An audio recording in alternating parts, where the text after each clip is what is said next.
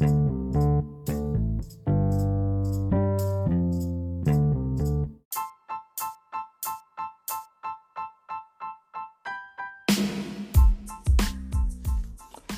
og velkommen til podkasten min. Eh, I dag skal jeg snakke om litteraturens utvikling på 1900-tallet. Og jeg skal ta for meg eh, første halvdel av 1900-tallet, altså fra begynnelsen av 1900-tallet til 1950-åra. Jeg skal bruke tre dikt fra denne perioden for å reflektere over samfunnsforholdene og litteraturen og hvordan det har utvikla seg. Først og fremst så er litteraturen delt i den tradisjonelle, eller også kalla realistiske, og den modernistiske.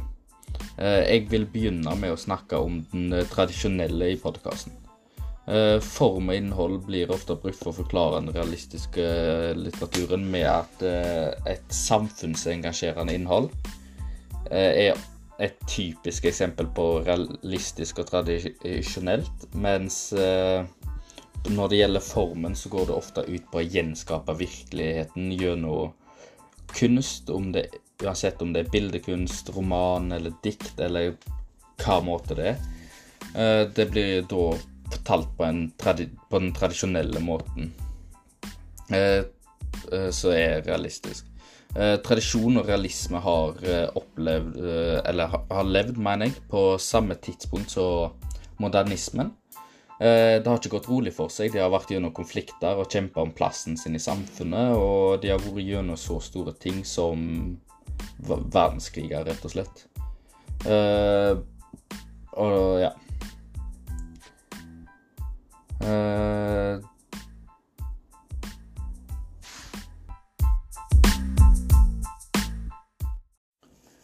Det som har endra litteraturen mest, er rett og slett generasjonsskiftet som skjedde på denne tida.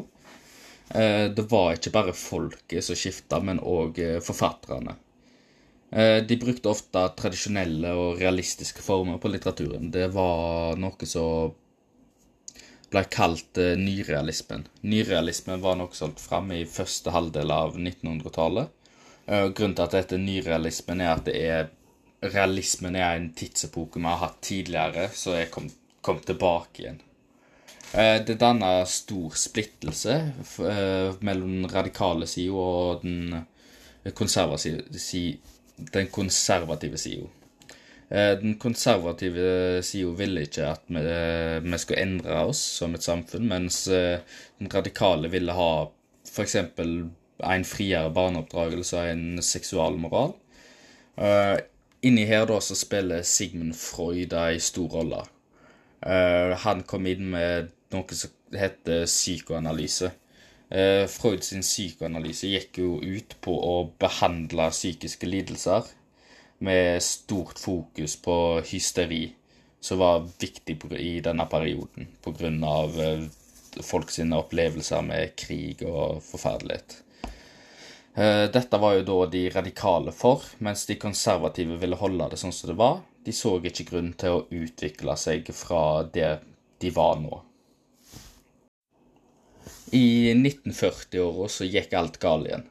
Eh, da kom den andre verdenskrig, og som noen eh, forfattere forutså de, de, så til og med for seg de, Eller de så det de gjorde, var at de så hvor stor trussel nazistene kom til å bli. Eller de så kanskje ikke til de lengder som det skjedde, men de så, de så trusselen. Og mest kjent for dette, og en av de som en av de mest kjente forfatterne i norsk litteratur generelt, var, var og er Arnulf Øverland. Uh, I denne perioden så lagde han diktet 'Du må ikke sove', eh, som går inn på at du ikke må sitte hjemme og se på hva som skjer, men du må gjøre en innsats, du òg. Eh, og dette, som eh, mange tradisjonelle dikt, har eh, rim og rytme og fire vers i hver strofe.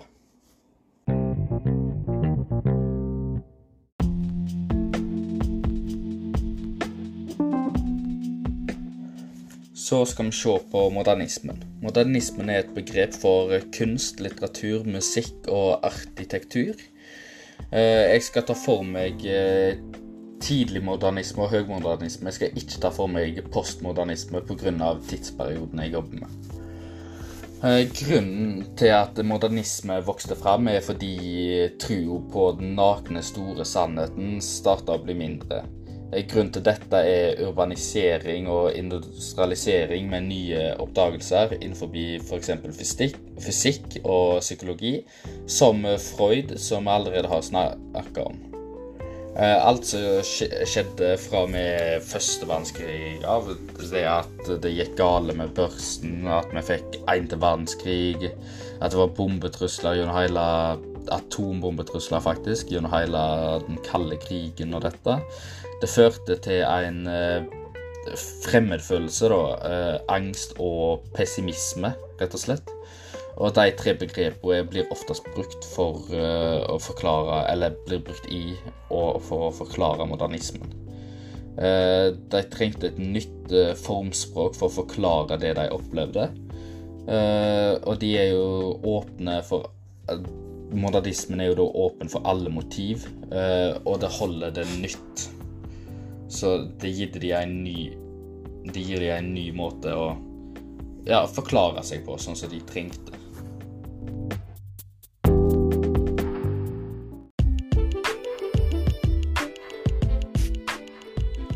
Et dikt som gitt oss eh, en god smak på noe nytt, som virkelig ikke holdt seg etter det tradisjonelle, er 'Født i går' av Haldis Moren Vesaas. Eh, dette diktet har sin egen vri med fokus på indre tanker og angst. Diktet går så følgende. I kveld er jeg makeløs, grenseløst glad. Til far min ærverdig og grå.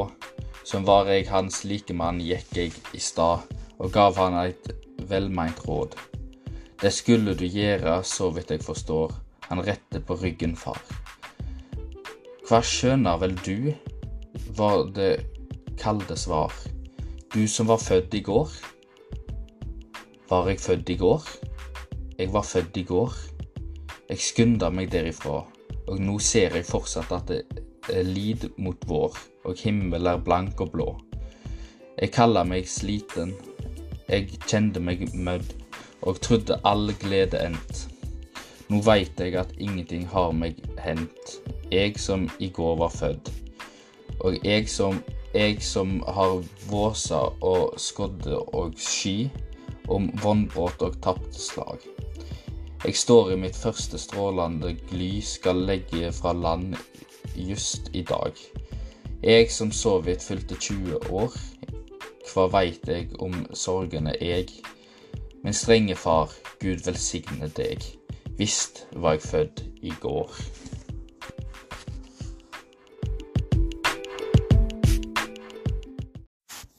Her får vi et dikt som skaper egen rytme, og som ikke trenger det tradisjonelle. Eh, diktet viser til baktankene sine etter det far hennes sa. Og det viser hvordan hun snur på tankegangen sin da, fra det engstelige, der hun tenker at livet endte, til at hun skjønner det at det, det har ikke skjedd hun noe, rett og slett. Og ja Dette diktet det viser jo veldig òg til hvordan forhold mellom både kvinner og menn var, i tillegg til far og datter. At hun bør ha respekt for han fordi han er en mann, og fordi han er, en, han er eldre nå, og han er far hennes, så han vet mer. Han er klokere, han har levd lengre. Hun begynte, da snudde tankegangen sin og skjønte det at ja, hun har bare vært eh, i live i 20 år. Hva vet nå hun om uh, triste ting, når du tenker på alt det han har vært gjennom? Uh, tidlig modernisme blir også kalla for nyromantikken, med tanke på alt som var likt mellom den tidlige modernismen og romantikken. Etter det så kom høgmodernismen, som òg var da modernismen liksom ble dominerende i form av kunstformer eh, i Europa, mellom 1910 og 1930 ca. Eh, I Norge da så skjedde ikke det før ut på 1950-tallet, og at modernismen ble dominerende. Eh, og det var jo da postmodernismen begynte å starte. Kunsten skulle være nyskapende og måtte bryte forventninger og skape sine egne uttrykk, mens forfatterne skildra en indre virkelighet. Eh, det var det som var likt eh, mellom tidlig og høy modernisme. Bevissthetsstrøm ble brukt for å få fram det, det modernismen ville få fram. Denne metoden var å skrive ned tanker og drømmer til karakterene så nøye og utfyllende som mulig. Eh, der skriver de ned alle assosiasjoner, følelser og innfall. Eh, begge formene av modernisme tar eh, for seg uro, angst og vansker som tema. Og det er tema som på forskjellige måter beskriver hvordan det er å leve i ja, moderne, moderne samfunn. Sånn som det var da, sånn som det er nå. Ja litt mer Ja, de Ja, som sagt, det moderne samfunnet, altså nyere samfunn, ikke, ikke, ikke holde fast i det gamle, men utdype det nye. Eh, modernismens eh, mange ismer er en eh, retning og språk som bryter fra den tradisjonelle måten. Det skaper noe som er helt nytt. Og som vi har snakka om tidligere, så er det et av tingene som er viktigst for modernismen og skape noe nytt.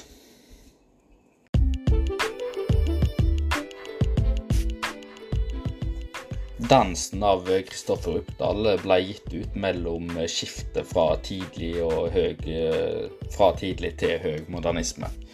Eh, han ble gitt ut i 1920, så er to år etter første verdenskrig. Eh, det er modernistisk fordi det ikke har rytme tradisjonelt vis, og det holder seg ikke etter tradisjonell form. F.eks. For det har ikke fire strofer med fire vers, det er delt inn forskjellig. Eh, diktet blir eh, tolka som om det Eller det kan bli tolka som det handler om første verdenskrig eller krig generelt, fordi det er tydelig at det handler om krig. Eh, men siden første verdenskrig var to år tidligere, så er det lett å assosiere det med den, uten at det er konkrete bevis på det. Første strofe av diktet er Det sitter en satan høyt på et berg og ser på et skodespill. Mennesker danser over et stort slette, under den mjuke, grønne grassvorden er mange fallgraver, med kvasse spyt opp.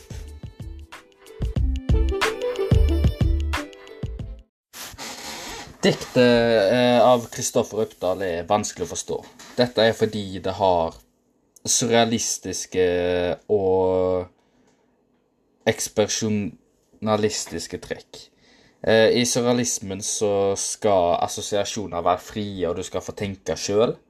Eksempel her er at krigen eh, heller er et eller, eller et slag i krigen, hvis vi tenker f.eks. første verdenskrig, kan være dette skuespillet som skjer og at uh, menneskene som kriger i krigen, er de som danser i skuespillet.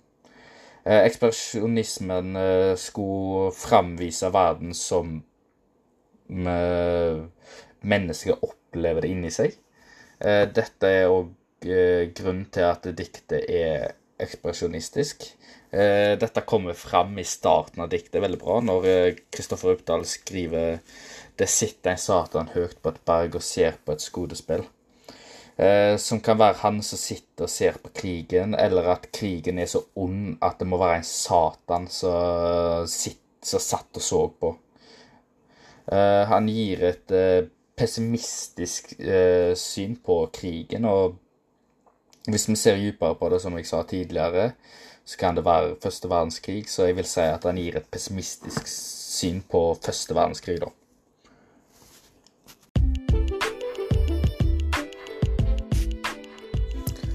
Så har vi ett dikt til som jeg vil dra inn. Det er Byens metafysikk. Byens metafysikk ble skrevet i 1933 av Jacobsen. Eh, dette er et veldig typisk eh, modernistisk dikt. Eh, det er ikke tradisjonelt i formen, og det beskriver mer moderne ting som telefonkabler. Diktet går jo da som følgende.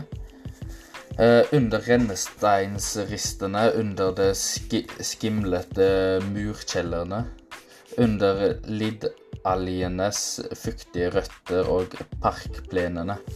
Telefonkablenes nervefibre. Gla glassledningenes hule blodårer. Kloakker. Fra østens skyhøye menneskealper, fra vestens villafasader bak Spira, Spirea.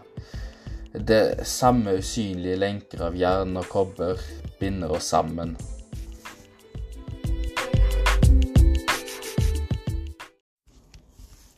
Er første halvdel av diktet. Diktet tar for seg en by, eh, en moderne by, rett og slett. Eh, det beskriver mye som skjer, og gir et litt eh, litt grotesk bilde da, av byen. Men det gir et bilde som vi kan sjøl tenke på assosiere med forskjellige ting. For eksempel så skriver han 'De usynlige lenker av jern og kobber binder oss sammen'. Det er opp til dine tanker å assosiere med noe nytt, men eh, det viser til hvordan byen har kontroll, eller er med på å kontrollere oss.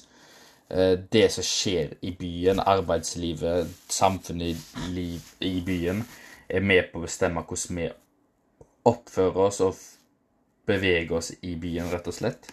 Eh, diktet fortsetter med mer som vi får tenke på, det gir oss forskjellige bilder. Så òg er viktig i forhold til dette. Eh, det er vanskelig å si hvordan alle dikta er og ser ut eh, når du bare hører på meg, så du bør ta deg en runde og lese dem sjøl, eller høre på dem for å få et bedre innblikk i hva jeg snakker om, for å se form og sånn bedre.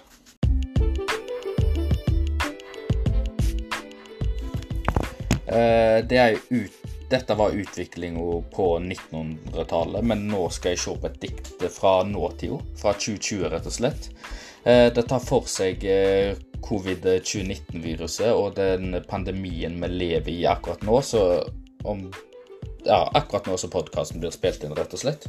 Eh, diktet er tradisjonelt og fordi det har sju strofer med fire vers i hver av de, og det har enderim.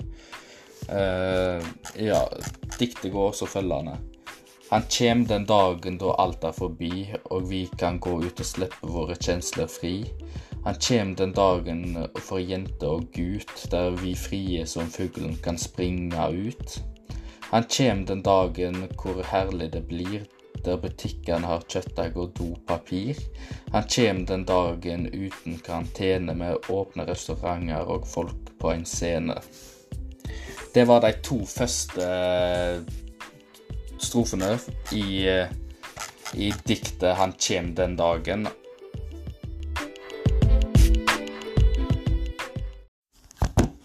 Diktet gir et optimistisk eh, syn på saken, som eh, viser vekk fra modernisme. Eh, selv om vi har modernistiske dikt i eh, vår tid nå òg, men Uh, ja, fordi rett og slett begge formene er til stede sjøl nå i 2020. Uh, eh, ingen av de har tapt krigen med den andre om plassen i samfunnet. Og sånn som samfunnet er i dag, så er det nok plass til begge to, rett og slett. Det er ikke noen som kommer til å bli skyvd vekk.